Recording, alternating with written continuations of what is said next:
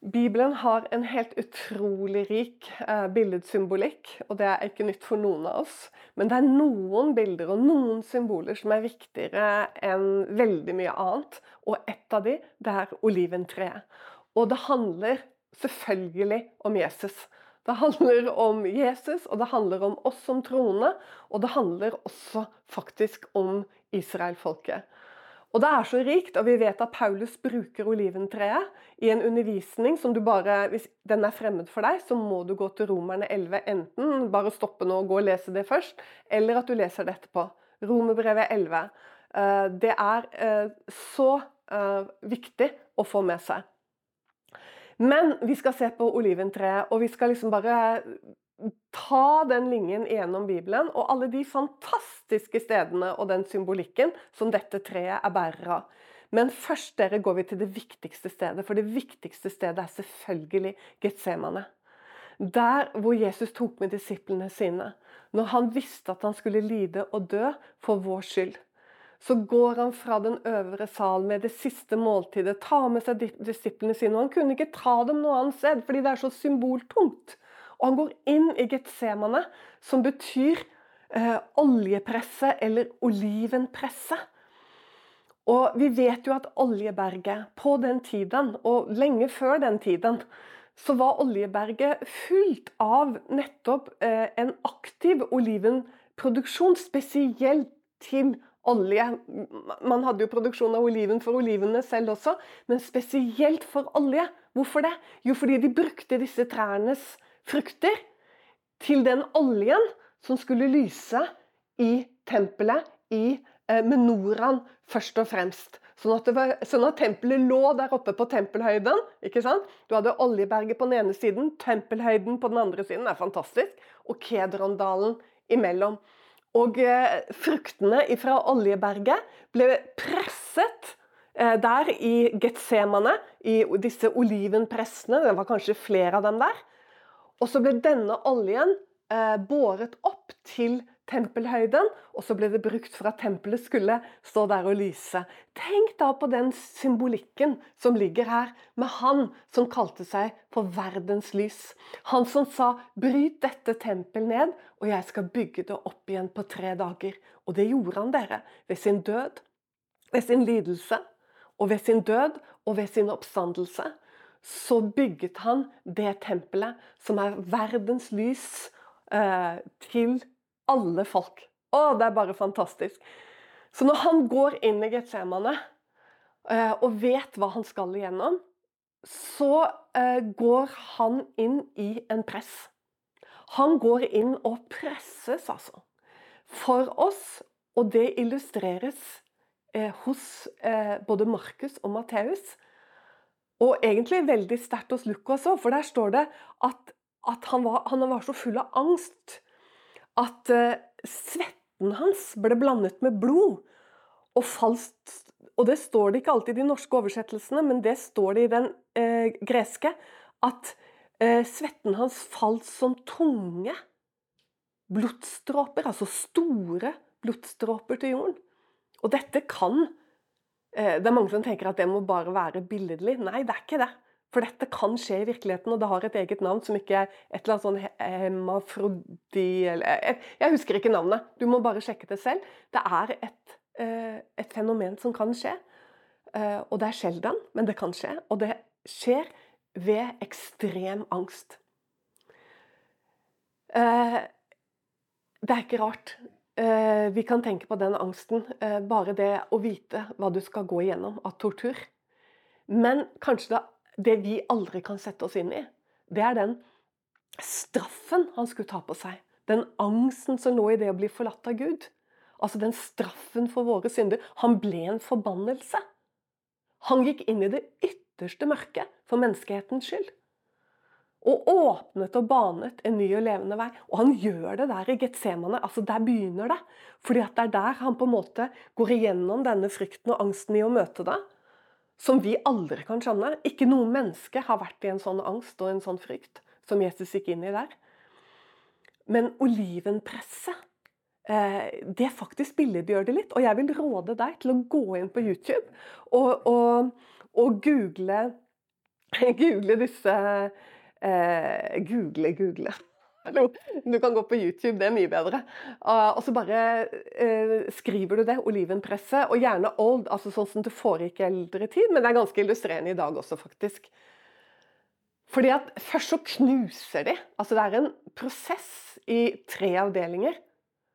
Og jeg tenker bare hvordan Markus og Matteus liksom veldig understreker dette at Jesus kommer tilbake til disiplene ikke sant? og går bort fra dem. Altså han, han, han, prøver, han, søker trøst, den fortvilelsen ikke sant? mellom å rope og be og gå tilbake til disiplene. Tre ganger står det. Og olivene presses tre ganger. Først så knuses de, og så presses de. Og, og Det er særlig denne pressingen, når du ser hvordan det foregår, hvordan de legger de knuste olivene, hvor kjøttet er knust. Og så legger de dette knuste kjøttet oppå disse her filterkurvene som er veldig sånn flate. Så de smører det utover i mange lag eh, over hverandre med ulike sånne filtkurver. Og det kan være kanskje 20 oppå hverandre. Og så setter de et enormt trykk på toppen. Og så begynner det trykket å bare gå nedover og nedover og nedover. Og så ser du hvordan oljen bare begynner å piple ut. Gjør det! Og tenk på din frelser. Hva han gikk gjennom for å ta din straff og din skyld på seg. Her er vi ved oliventreets eh, viktigste sted. Fordi oliventreet fra begynnelse til slutt handler om Jesus Kristus, Jesus Messias. Og det gjør det faktisk helt fra begynnelsen i eh, første Mosebok. Og det er vel i det åttende kapitlet, hvor du kan lese hvordan Noah sant, prøver å sjekke om vannet har sunket. Nå har de vel vært ute i båten der i ja, rundt et år. Og Han prøver å sjekke om vannet har sunket fra jorden. Han slipper først ut en ravn, og den kommer aldri tilbake, mener jeg, hvis jeg husker rett. Og Så slipper han ut en due, og den kommer igjen, for den har ikke noe sted å finne hvile for sine føtter, står det så, så fint. Men så venter han vel en uke til, eller noe sånt. Dette må du bare lese. Og så slipper han ut duen en gang til, og da kommer han tilbake. Og hva annet da enn med en liten sånn olje. Og jeg har sørget for å ha en sånn liten en her, og jeg tenker at den kanskje lignet litt på den. Eh, fordi at jeg mener at det som står på hebraisk her, både kan bety ett blad eller en klynge av flere blad. Eh, sånn at det kan ha vært kanskje litt mindre enn denne, men noe sånt noe. Og hvor symboltungt har ikke denne her blitt? La meg først ta det litt sånn som vi kjenner ganske godt. F.eks. FN. Uh, der er det to ganske overraskende, egentlig, oljegrener. Men det sier noe om hvor kjent denne fortellingen er. ikke sant? Rundt jordkloden, det er jo da FN-symbolet. Som håp, ikke sant, for verden. Som det Det er jo bare så fint. Men så har du det også, uh, selvfølgelig, Ehm, på den israelske stats nasjonalemblem så er det jo da to oljegrener, men ikke jordklode i midten, men en menora i midten. Og det er jo tatt ifra eh, profeten Zakaria, ifra det sjette Nei, unnskyld, fra det fjerde kapittelet.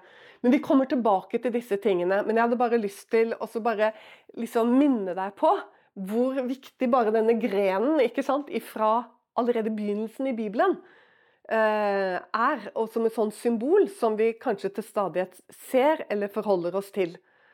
Men det viktigste tenker jeg med det symbolet, er jo det som livets tre, på en måte. Som, som, som, det håp som duen kommer tilbake med, og som bilde på Kristus, og som bilde på Den hellige ånd. Og så er det noe annet jeg har lyst til at vi skal ta en liten lenke og følge. For det, står noe om spire. Og den begynner jo egentlig, selv om ikke det er samme ordet som brukes på hebraisk alle steder, men så begynner jo selve bildet og prinsippet. Herrens spire, står det om i Bibelen. Flere steder. Du finner det hos Jesaja, du finner det hos profeten Jeremia, og du finner det hos profeten Zakaria. Kanskje andre steder òg, men det er de tre jeg kommer på nå. Og Du finner det i Jeremia 23 for deg som har lyst til å sjekke, og Jeremia 33, og som jeg sa, eh, ikke kapittel 4 hos Zakaria, men kapittel 6. Og Jesaja så husker jeg ikke helt, men eh, jo, du har det selvfølgelig Jesaja 11. Og Det er så viktig, for det er Messias, altså Kristus. Denne spiren. Og spiren er olivenspiren. Og la oss derfor uh, gå Eller kanskje ikke. Jeg har lyst til å ta noe annet først. Fordi det er noe annet her med at det er oliventre. Én ting er det symbolske med det, som uh, duen kommer tilbake til Noah med. Men noe annet som er litt sånn uh, interessant, det er jo hardførheten til oliventreet. Jeg er ikke biolog, jeg er ikke ekspert på trær. Jeg vet ikke om det går an å si at oliventreet er det mest hardføre treet, eller om oliventreet er det treet som kan bli eldst av alle trær i verden. Jeg kan ikke si det, men jeg tror at det er i så fall en av de trærne som absolutt kan bli det. Vi vet i dag ikke sant, at det, eh, det finner hvor er det det er mest oliventrær? Det er rundt Middelhavet. ikke sant? Spania, Marokko, Italia, Hellas, Israel, Tyrkia, i disse områdene. Sant? Det er enorm olivenproduksjon. Der hvor de ikke akkurat krangler, det, bli, det, vet ikke jeg noe om, men jeg vet i hvert fall at det finnes ulike eh, kilder som sier at Spania har det eldste oliventreet i verden, og så sier Hellas at de har det eldste oliventreet i verden. Og jeg leste nylig om liksom, eh, grekerne som mente at de hadde tre som var 4000 år gammelt, og så kommer Spania med noe som er enda litt eldre, og så kommer faktisk eh, eh, palestinere utenfor Betlehem, hvor de sitter vakt liksom, ved Vi har det eldste eh, oliventre i verden, og det er 5000 år gammelt. Så det er vel ingen som egentlig vet hvor og hvem som har det aller eldste oliventreet. Og jeg skal si noe man enda mindre vet, og det er hvor gamle røttene er.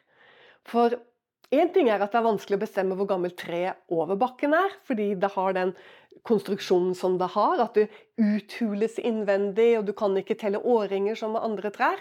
Det er veldig vanskelig å si hvor gammelt et oliventre er, men det er nesten umulig å si hvor gamle røttene er. Og det er noen som mener at de røttene de dør bare ikke. Rett og slett, liksom. Det er eh, Og det er jo spennende, fordi det skyter jo ut ifra røttene. Og dette her kommer til å få mer og mer betydning ettersom vi går lenger inn i disse tingene. Nemlig om Herrens spire, som spiret fram fra sin rot, som det står i Zakaria. Og eh, Jesaja sier at han skal spire fram av Isais stubb, og et skudd fra hans røtter skal bære frukt. Men eh, la oss gå til jobb. Fordi jobb sier noe, skjønner du, og da er det jo selvfølgelig oliventreet han har i tankene. Tenk nå i forhold til dette at duen kommer med ikke hvilken som helst gren, den kommer med en frisk olivengren. For treet er det håp, til og med etter at flommen har gått over jorden og knust alt. Sånn? Hør nå hva Jobb sier. For treet er det håp. Om det hugges, så spirer det igjen og på nye skudd mangler det ikke. Om dets rot, altså om roten eldes i jorden, og om stubben dør i mulden, så setter det likevel knopper bare ved lukten av vann, står det. Det er fantastisk. Og skyter eh, grener som et nyplantet tre. Dette tenker jeg må være en suveren beskrivelse på nettopp eh, oliventreet. Hugger du det ned til ingenting, da er det ute for de aller fleste trær. Jeg vet ikke om noen trær som det er håp for. Hvis du hugger det ned, eller hvis det råtner helt på toppen, da er det ikke håp for det treet. Men for oliventrærne er det det. For den skyter eh, skudd, nye skudd, ut av roten. Og roten den vet man faktisk ikke hvor uendelig mange tusen år den kan bli. Ok, nå fikk du en biologitime om oliventrær. Men det er viktig, da, fordi det har jo vært sånn i tradisjonen. Jeg vet ikke, om, jeg vet ikke for mye om teologisk eh, tradisjon på dette, men jeg vet litt om kanskje hva jødene mener. Eh, og det er jo at hvis man skal tenke eller ta ut et tre som bilde, eller kanskje for Gud konkret, livets tre, så er det liksom oliventreet man tenker på. Og også brukes det sånn litt åndelig. Eh, fordi det handler om å bli podet inn i dette treet. Tenk på Paulus nå, Romerne 11. Å komme tilbake i livet. Livet i Kristus. Eh, livet i denne sevjen. du har jo fikentreet, og du har vintre, som også er viktige symbolske trær i Bibelen. Men det er vel ingenting som mer handler om Guds rike og det som skal komme, og det livet som en gang skal fylle hele jorden. Jeg tror Jesaja er utrolig viktig, Jesaja 11, for å forstå hva som er symbolikken til oliventreet. Der tror jeg vi er inne på hva som virkelig er symbolikken til dette treet. Men la oss følge denne spiren litt til. For som jeg sa, så dukker den opp i Jeremia i det 23. kapittel. Der må du lese, for der er det om Messias som Jeremia får formidle som Herrens spire, altså en spire av David. Det kommer igjen i 33. kapittel hos samme profet. Og så kommer det, som jeg sa, Jesaja 11, og også et annet sted, mener er Jesaja 3. Men Zakaria La oss bare ta med det før vi går videre inn i symbolikken som er knyttet til oljen fra dette treet. I, eh, hos eh, profeten Zakaria så står det på denne måten. Så sier Herren, det sjette kapittelet, tolvte verset. Så sier Herren, herskarenes Gud, se, det skal komme en mann som heter Spire skal vi ta med Jeremia, sånn at du liksom får høre det. Hvordan det høres ut. 23. kapittel, 5. verset. Se, dager kommer, sier eh, Jeremia før Zakaria. Sier Herren, da jeg vil la stå fram for David en rettferdig spire. Tenk nå på denne spiren som duen allerede hadde med seg som håpet for verden. Altså eh, Messias Kristus, Guds spire. Han og så står det i Zakaria om spiren. Han Plutselig, sant? da skjønner vi. Han, spiren er en han, Messias. Han skal spire fram av sin rot. Og han skal bygge Herrens tempel. Oi! Det er så fantastisk! Nå er vi litt tilbake med tempelet, sant? Getsemane. Men vi har også Johannes' åpenbaring i det 22. kapittelet og i det 16. verset. For der sier jo Jesus at 'jeg er Davids rot og skudd'. Merk deg da, Zakaria. Det er, så, det er ordrett, vet du. Han som la ordene i Zakarias munn. Han sier det selv. 'Jeg er Davids rot og skudd'. Altså, Zakaria sa, han skal spire fram av sin rot. Du vet, Her kommer jo Kristus som eh, både Gud og menneske. sant? Han er roten, men han er også spiren, det nye treet. Og nå får du et bilde opp her, hvor du ser noe av det som skiller på en måte I hvert fall de trær jeg kjenner til. Jeg må alltid ta forbehold her, fordi jeg er ikke biolog. Eh, det som skiller og særmerker da, oliventre, oliventreet, det er jo dette at hvis et tre er skikkelig gammelt, så er, det, så er det så karakteristisk at det ser ut som det består av flere trær. Og så er det gjerne hulrom i midten, og så er det flere stammer. Men det er samme tre fordi det har samme røtter. Men det er bare det at disse grenene som skjøt ut av roten, de ble til stammer som står der ved siden av hverandre og er egentlig samme treet. Bare at det har skutt ut av Fordi det har skutt, skutt ut av den samme roten, så er det samme treet dette vidunderlige bildet som Paulus øser av ikke sant, når det gjelder oliventreet, og som er så utrolig billedlig. Det er det Zakaria fikk se. ikke sant? At oi, det er håp, ikke sant? Han skal spire fram. Så sier bare Jesus ikke sant? Det er det siste vi har fra hans munn. Igjennom Johannes sin munn. Nemlig, når han hadde åpenbart seg for Johannes ved sin engel, så kommer disse ordene overlevert oss at 'jeg er' den roten.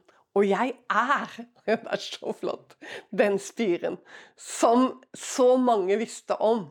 Som kjente Skriftene, de visste om det alle sammen. De visste at Messias, det var Herrens spire, for det hadde profetene lært dem.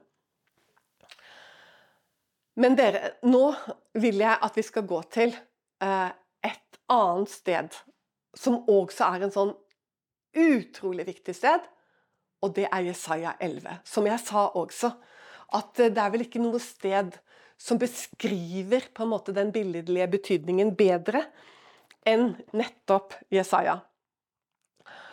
Og la oss lese bare akkurat hvordan det står der. Men en kvist eller gren hadde kanskje vært en bedre Men OK, for det begynner som en kvist, blir til en gren og blir til en stamme etter hvert. Men en kvist skal skyte frem av Issais stubb. Og så kommer det på en måte da så kommer forklaringen. Og et skudd fra hans røtter, ikke sant? rotskudd, skal bære frukt. Og så, hør nå Og Herrens ånd skal hvile over ham.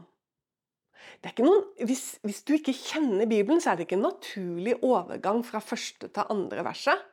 For der leser du liksom Der er du i biologien, om et skudd. Men når du kjenner Bibelen og vet om Herrens spire, kjenner den gjennom Bibelen, så blir det Oi! Ikke sant? For det skuddet er Han. Og det sies også her i andre verset. Og Herrens ånd skal hvile over ham. Visdom og forstands ånd, råd og styrkes ånd, den ånd som gir kunnskap om Herren og frykt for ham. La oss bare stoppe der. Fordi eh, det står ikke noe sted at denne eh, framstillingen av at Herrens ånd skal hvile over ham, og at denne ånd skal kjennetegnes i disse ulike hva skal du si, eh, fruktene eller kvalitetene. Om råd, om kunnskap, om innsikt, om frykt for Herren. Men det er jo ganske nydelig, og jeg vet ikke hvor det kommer fra i tradisjonen. Antageligvis fra jødene. Men det er ganske nydelig bilde på menoraen.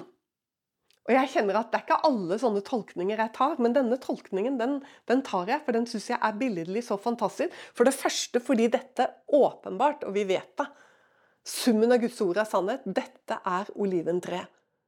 Skuddet er oliventreet. Det er her det kommer fra.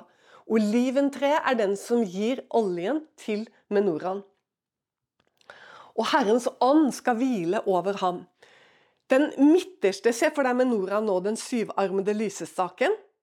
Det er tre på hver side, og så er det én som stikker litt opp, som er den midtre, som er den syvende. Det er den som skal tenne de andre seks lysene. Og det er en nydelig tolkning at den midterste er nettopp bildet på, nett, på, på Messias, altså Herrens ånd, som hviler over ham, og som gir seg utslag i disse øvrige til Skal vi lese det en gang til?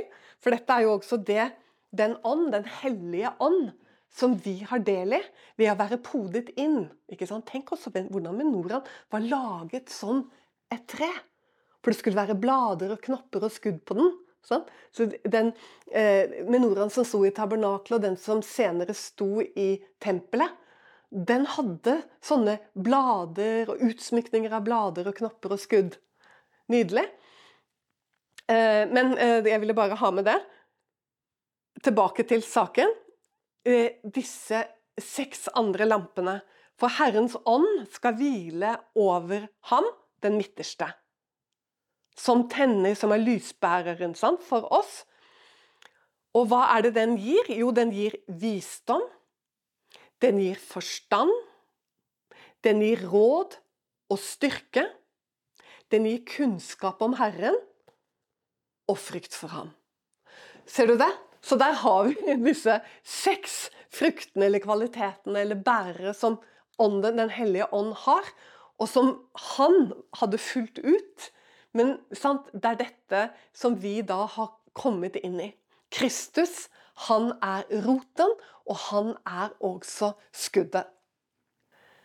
Men vi skal også gå litt videre inn i Jesaja 11, for det er mer eh, å hente her. Eh, for da kommer det jo også eh, tydelig videre om, eh, om eh, altså profetien om Messias. Og står han skal ha sitt velbehag i Herren, i Herrens frykt. Han skal ikke dømme etter det hans øyne ser, og ikke skjefte rett etter det hans ører hører. Du, det skal vi være så glad for. At han ikke er som oss.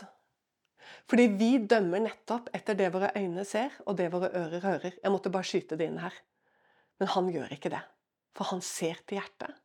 Og det står til og med det at om vårt hjerte fordømmer oss, så er Gud større enn vårt hjerte og kjenner alle ting. Jeg ville bare at du skulle ha med den. Han dømmer ikke etter det han ser og hører. Det gjør vi, og det er derfor vi ikke skal dømme. Det er derfor vi ikke skal dømme, fordi vi kjenner ikke hjertet. Men han skal dømme de fattige med rettferdighet og skifte rett med rettvishet for de saktmodige osv. Men det, det, dit jeg vil, du må lese hele, for det er jo fantastisk. Dette er en beskrivelse av tusenårsriket. Når hva da? Jo, når hele jorden er full av Herrens kunnskap, liksom vannet dekker havets bunn. På den tid skal hedningefolkene søke til Isais rotskudd, som er han, som står som et banner for folkeslag, og hans bolig skal være herlighet. Dette dere, er jo det som står foran oss. Og at hele jorden skal fylles med dette, eh, som menoraen er et symbol på, og som oliventreet er et symbol på. Nemlig livet og kommet inn i livet i Herrens ånd, som skal fylle og dekke jorden, som vannet dekker havets dyp. La oss da avslutte med eh, å gå tilbake til Getsemane en liten tur, og til olivenpressen. Fordi, som jeg sa til deg, at eh, når oliven presses, så er det i flere omganger. Og så er det første omganger hvor eh, kjøttet knuses. Og det er en ganske brutal prosess.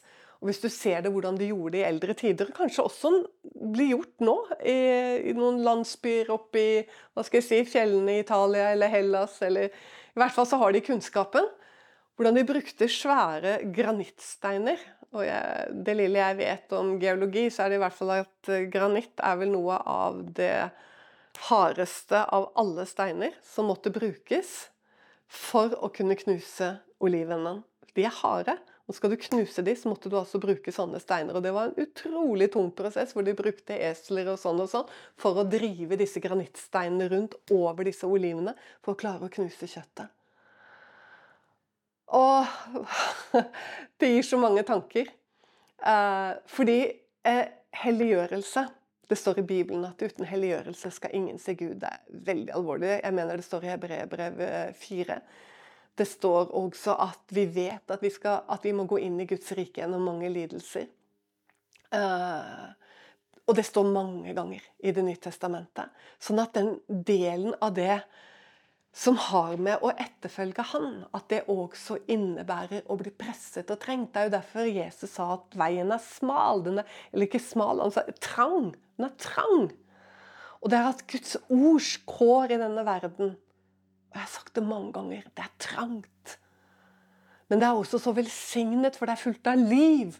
Fordi det er en helliggjørelsens vei, det er en helligåndens vei. Det er en vei som blir til mer og mer liv. Det er dette paradokset av å både lide kunne lide. Det er ikke sikkert at vi alltid står i det spennet, men vi går ut og inn av disse olivenpressene for at vi skal bringe opp oss nesten renere og bedre olje. Eh, jeg syns det er så flott uh, å vite dette, at det foregår i flere prosesser da, for å få fram oljen til ulike stadier. Og jeg tror vi skal ta det bildet uh, først og fremst i takknemlighet over hva Jesus gjorde for oss, men også i forhold til det å være en kristen, hvor det å bære sitt kors og følge han Jesus sa at ingen kan være min disippel uten at han hver dag tar opp sitt kors og det er denne knusningen over kjødet, dere. Dette å leve et liv i, i ydmykhet, i overgivelse, som er så paradoksalt. For det er både et press og samtidig en helt utrolig frihet. Det står jo faktisk 'den som er lidd i, eh, i kjødet'. Sånn? Det er liksom litt det der presset av oliven. Den er ferdig med synden. Tenk at det står det. Så dette er denne eh, veien vi får gå på med han, da. Hvor han eh, helliggjør sine. Ikke at man føler nødvendigvis at man blir så mye mer hellig, men eh, vi, vi, merker at det er ting som slipper tak i oss. Vi merker eh, Men samtidig, jo nærmere vi kommer han, jo, jo, jo mer ser vi også på en måte avstanden. Og ja, Nei, Det er så full av disse paradoksene. Men jeg tror vi bare skal stoppe der. Men det er viktig dere, at vi forstår det. Og ikke minst, tenker jeg, det å bli født på ny og bli frelst. Å og få komme inn i dette livet, som er eh, som Johannes har tenkt når Johannes introduserte Jesus. Hva er det han sier? Det første han sier om liksom, Der er han, liksom. Når han, når han ser Jesus komme gående. Sant? Guds lam. Han som skulle slaktes. Så sier han Men han sier veldig kjapt så sier han Han er den som skal døpe dere i Den hellige ånd og ild. Altså denne at han skal på en måte åpne veien tilbake til livet. Hvor vi skal komme tilbake til Gud. Han kjøpte oss tilbake til Gud. Hva betyr det? Han kjøpte oss inn i livet igjen. Ja, jeg, jeg tror vi skal stoppe der. Og så syns jeg at du, hvis ikke det er lenge siden du har lest Romerne 11, eller eh, du aldri har lest Romerne 11, så syns jeg du skal gjøre det. For der kommer det så flott fra Paulus hvordan det er nettopp livet det handler om når oljetreet, eller oliventreet, eh, kommer i Bibelen, så er det livet det handler om. Da gjenstår det bare for meg å si Gud velsigne